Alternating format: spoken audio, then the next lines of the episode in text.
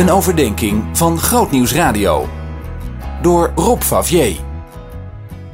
Goedemorgen en sorry, want ik ben heel verkouden. In deze overdenking wil ik het even hebben over verwende kinderen. En dat bedoel ik niet positief. Want verwennen is niet echt een goede manier van opvoeden.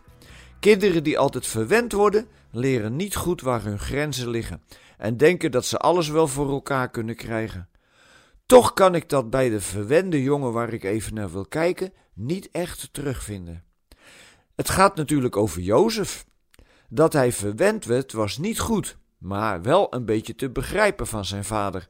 Hij was immers de zoon van Rachel en het was de vrouw waar Jacob helemaal verliefd op was geworden.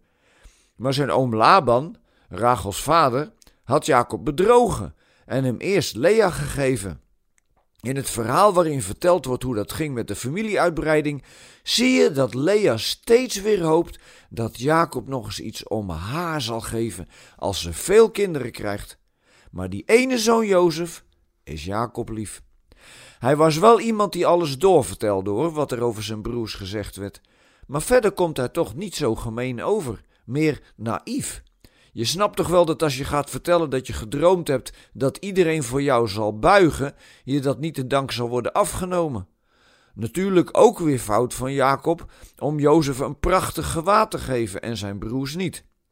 Ik heb niet zoveel met de ouders die al te duidelijk laten merken wie hun lievelingskind is. Maar het gekke is dat door al deze verwennerij Jozef geen zeurpiet of klager is geworden als hij even iets niet tot zijn beschikking had. Nee, Jozef bleek de kracht te bezitten om van elke situatie het beste te maken.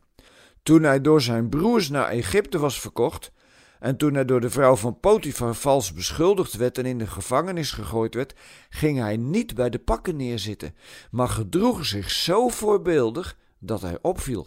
En uiteindelijk werd hij de feitelijke leider van Egypte, en als zodanig de redder van de toenmalige wereld toen er hongersnood kwam.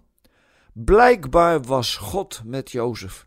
Zo heeft hij het ook ervaren, want als zijn broers uiteindelijk naar Egypte komen om om eten te bedelen, laat hij ze niet doden.